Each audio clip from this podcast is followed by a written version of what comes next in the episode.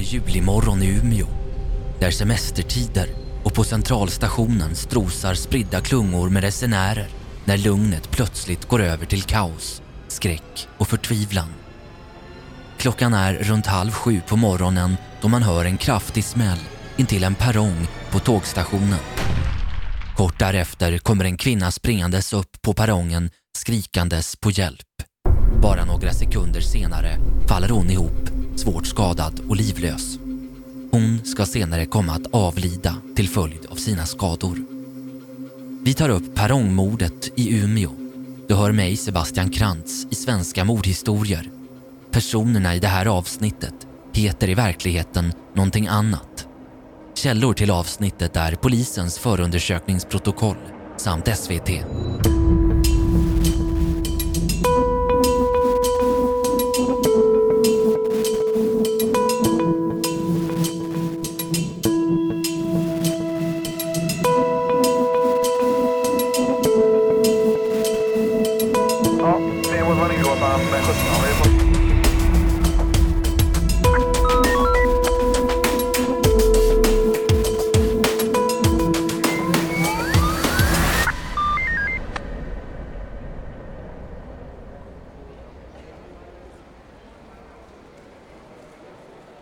Klockan är strax efter halv sju på morgonen den 20 juli och året är 2013.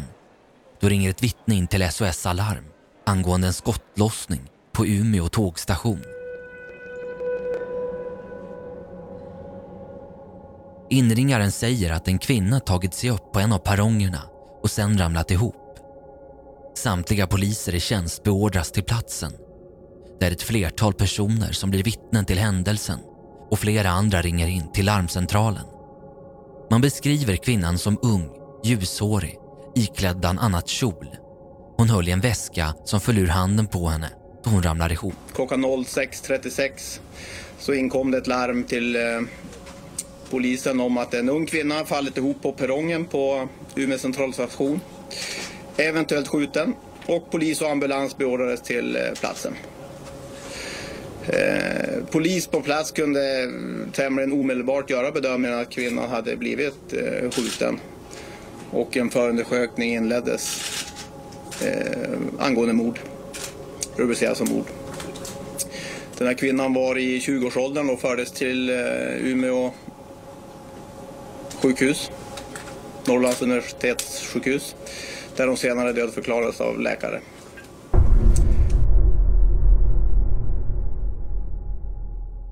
Det tar inte mer än tre minuter innan den första patrullen är på plats då poliserna sprungit till radiobilen för att sen köra i illfart till platsen då man förstått allvaret. Här följer ett utdrag ur en av polisernas egna redogörelse om det första ögonblicket på platsen, taget ur förundersökningen. Väl på platsen så är det väldigt mycket folk som står på den södra sidan av perrongen, alltså den perrong som är mot centrum. Det är uppenbart att det är ett tåg som ska avgå. Jag ropar på flertalet personer och vill veta vad det är som hänt. Det blir genom de som står på perrongens rop, viftningar och pekningar uppenbart att den skadade kvinnan finns på den norra perrongen. Hon ligger ner då jag först ser henne och hon ligger i närheten av hissen ett par meter ifrån trappan som leder upp till perrongen. Jag funderar i någon sekund på om jag ska springa under tunneln till andra sidan eller om jag ska springa över spåret. Jag tar vägen över spåret då det klart går snabbast. Väl framme hos den skadade så har jag sällskap av poliskollegan och när vi kommit fram så ser vi att hon ligger på sin vänstra sida men att hon nästan ligger på mage. Vid huvudet så ligger mycket blod som är tjockt och det bubblar ur munnen. Vi vrider henne i stabilt sidoläge.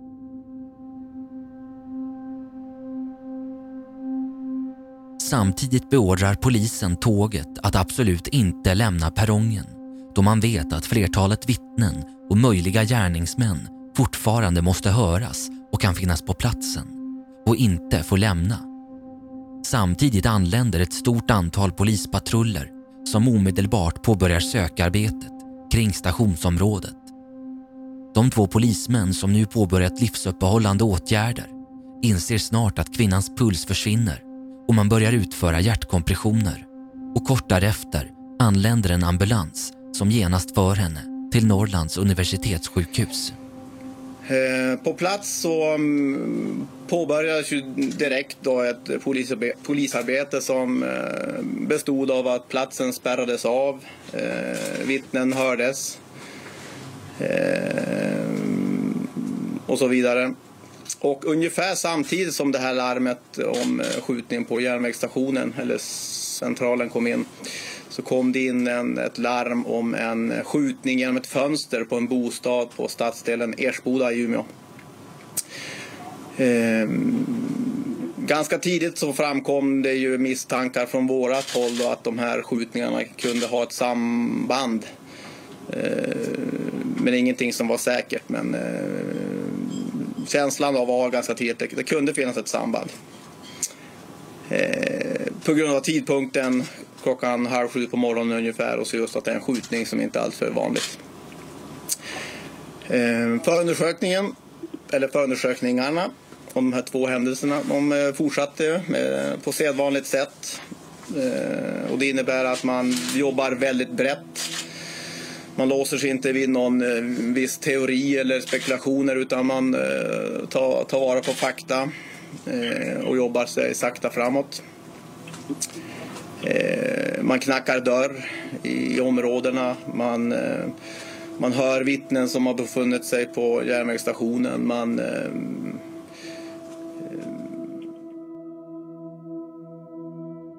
nu påbörjas en massiv utredning och ett stort sökarbete för att komma i kontakt med rätt gärningsman.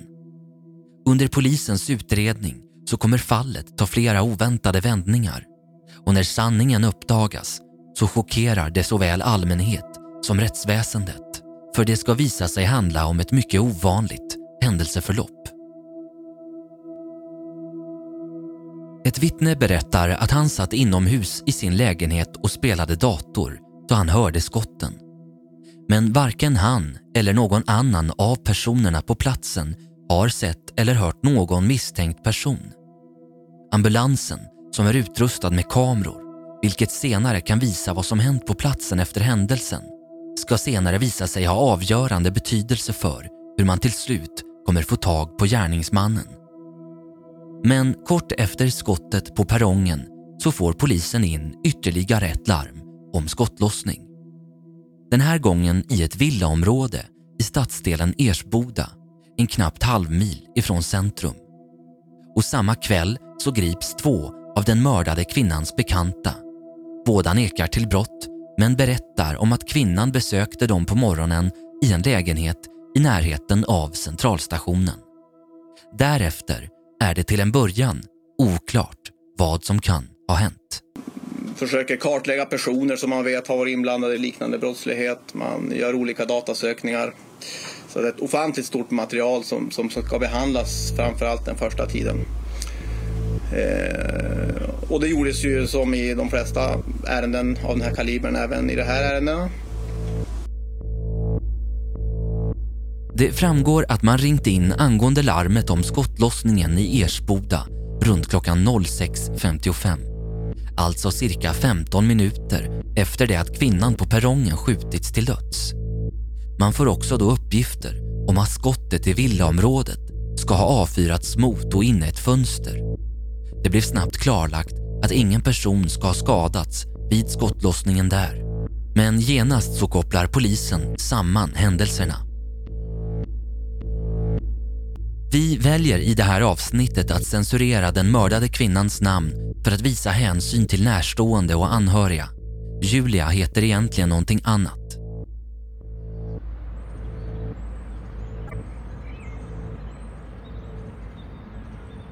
Julia har vuxit upp i Holmsund som är en tätort i Umeå kommun men har under 2013 varit bosatt i Göteborg. Den 19 juli så anländer hon till Umeå med flyg för att under dagen umgås med sin familj. Och under fredagskvällen deltar hon på en fest hemma hos ett syskon och dennes sambo. En taxichaufför kan senare vittna om att han kört hem Julia med en annan manlig vän till en bostad.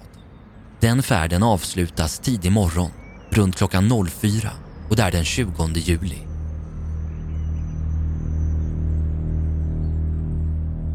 Julia umgås i bostaden med två vänner tills på morgonen. Då bestämmer vännerna sig för att gå och lägga sig. Julia vill åka hem och man tror att hon ska gå på en buss som ska avgå runt klockan 07.10. En annan ung man som vi kallar för Johan var också på fest den 19 juli 2013. Men han deltog på en annan fest, till en början på en förfest på Gustav Garvares gata tillsammans med sina vänner. Runt klockan 23-tiden så beger sig Johan och vännerna till en restaurang där de stannar till stängning. Klockan är då runt 02.00. Därefter går man till en närliggande kiosk för att äta. Dit ansluter sig även en annan man som känner en av personerna i sällskapet som Johan är med. Vittnen berättar att det under måltiden uppstår en diskussion och sällskapet ska gissa varandras ålder. Den nyinkomna utomstående killen gissar då på att Johan är 12 till 13 år gammal, varpå Johan blir arg. Han säger att han blir respektlöst behandlad och ger killen en knuff med armbågen. En kvinna i sällskapet får gå emellan då bråk uppstår men situationen lugnar sig.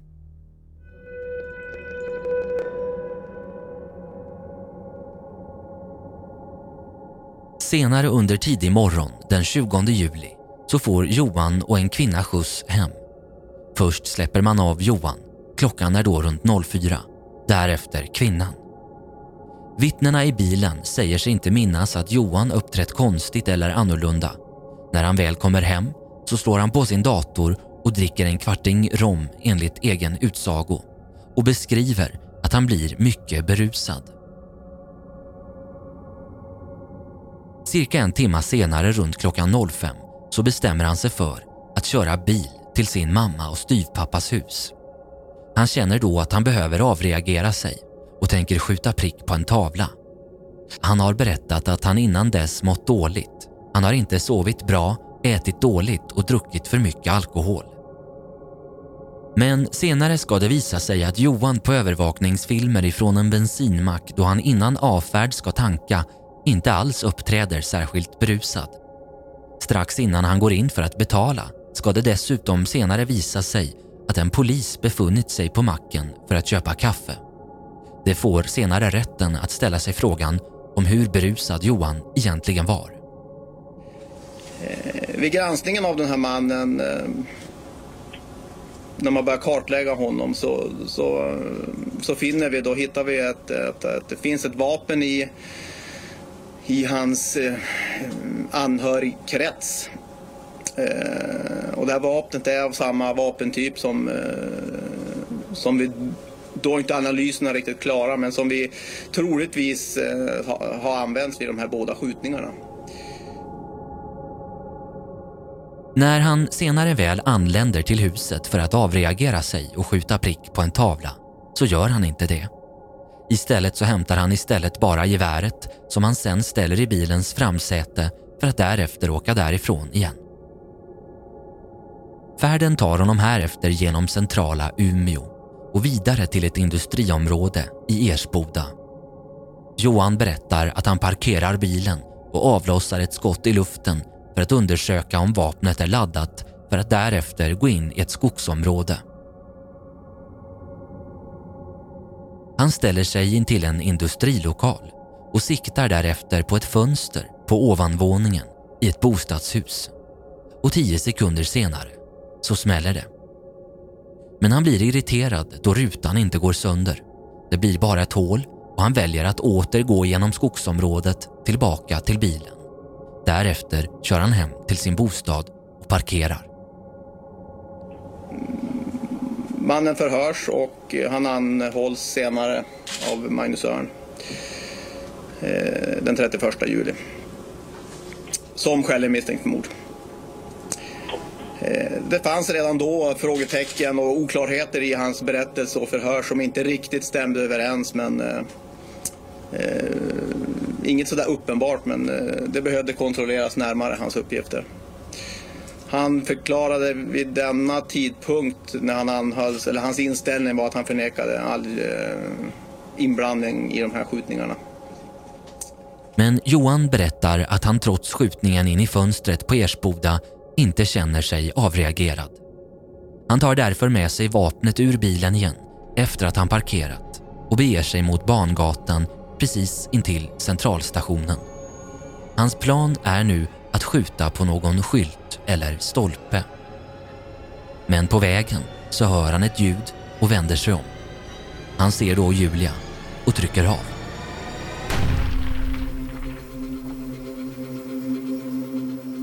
I samma sekund hör han ett skrik. Han beger sig nu hastigt tillbaka mot bilen och parkeringen, gömmer vapnet i bagageluckan men vänder sedan tillbaka till centralstationen för att se hur det gick med kvinnan. Väl där upptäcker han henne livlös på perrongen. Han stannar kvar och blir förhörd av polis utan att säga som det är. Senare åker han tillbaka till sin bostad och sätter sig vid en gavel vid huset där han somnar i två till tre timmar innan han till slut går in och lägger sig.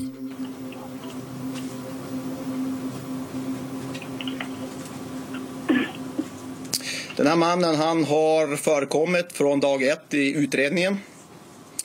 Inte som misstänkt utan han, eh, han hördes eh, samma dag som skjutningen, alltså den eh, 20 juli, som ett vittne. Så han har förekommit i utredningen men inte som misstänkt och egentligen ingenting vid den tidpunkten som gjorde honom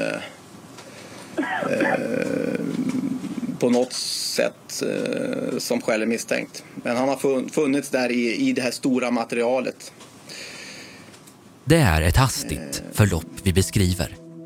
Men det ska visa sig handla om två helt för varandra okända personer. Varav den ena befann sig på helt fel plats vid fel tillfälle. Men det är nu ambulansens kameror åter kommer in i bilden. Den har filmat poliser som rört sig på platsen. Men också en man som går ifrån centralstationen mot området Haga. Samma område där Johan bor. Ett område som är högintressant då det ligger i nära anslutning till platsen.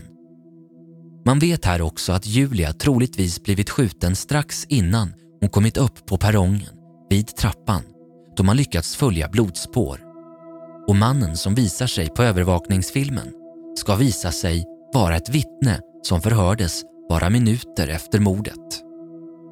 Då berättade han att han suttit vid sin dator när han hört skotten. Men bilderna ifrån ambulansen visar någonting helt annat. Dessutom hittar man övervakningsfilmerna ifrån bensinmacken tidigare samma morgon.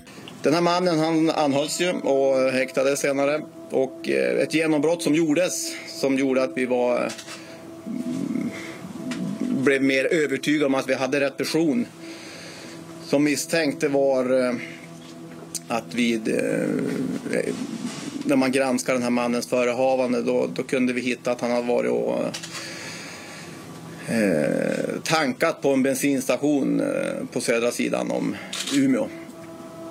Klock, klockan 05.25 ungefär på morgonen, det är cirka 70 minuter innan, innan den här skjutningen på järnvägsstationen. Eh, och det hade han dittills då undanhållit i förhör. Och då blev vi väl mera övertygade om att vi var rätt ute. Man lyckas fastslå att Johan omöjligt kan ha använt sin dator vid tiden för mordet, som han säger, då han lämnade den orörd redan runt 05. Och han häktas misstänkt för mordet. Han är 21 år gammal vid gärningen och nekar till en början till all inblandning i mordet. Men när han konfronteras med övervakningsbilderna så ger han upp och berättar om natten och morgonen. Men Johan säger att han inte vet varför han sköt ihjäl Julia, 22 år. När mannen hörs om de här uppgifterna som har kommit fram så um, efter några förhör då in, in i hans häktning. Så då medger den här mannen att det är han som har skjutit kvinnan vid Umeå centralstation. Han berättar att han under den här aktuella kvällen festat eh, tillsammans med kamrater och besökt en restaurang i centrala Umeå. Han har efter restaurangbesöket promenerat med kamrater genom Umeå och sen fått skjuts hem till sin bostad. Hemma i sin bostad så har han sedan eh, tagit en bil som han disponerar. Han har åkt och tankat den här på den här bensinstationen som vi då hittade i materialet. Eh, innan han sen eh, kört till den här anhöriges bostad. Och där har han då olovligen hämtat upp ett eh, kulgevär av kaliber 22. Han har sedan kört in till Umeå igen och upp till stadsdelen Ersboda i Umeå.